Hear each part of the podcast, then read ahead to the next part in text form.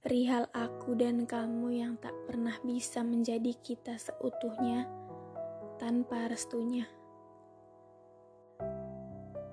Komitmen lama yang akan selalu diambang kebingungan antara harus melanjutkan atau mengakhiri.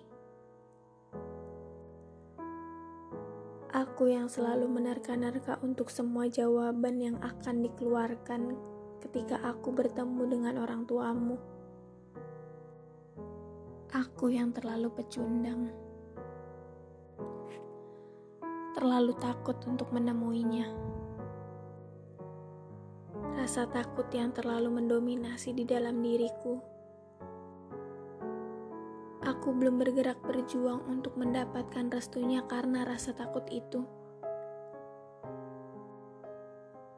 Mencintaimu saja ternyata tak cukup untuk mempertahankan komitmen ini.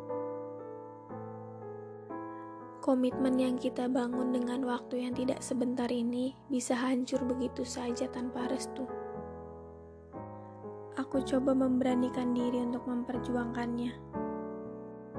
Tapi ternyata ketika aku mencoba bergerak memperjuangkan restunya, semua sudah terlambat.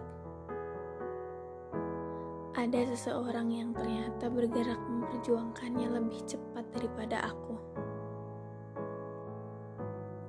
Seketika duniaku berhenti.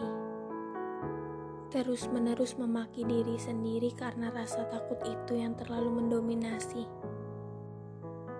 Penyesalan yang akan selalu menghantuiku.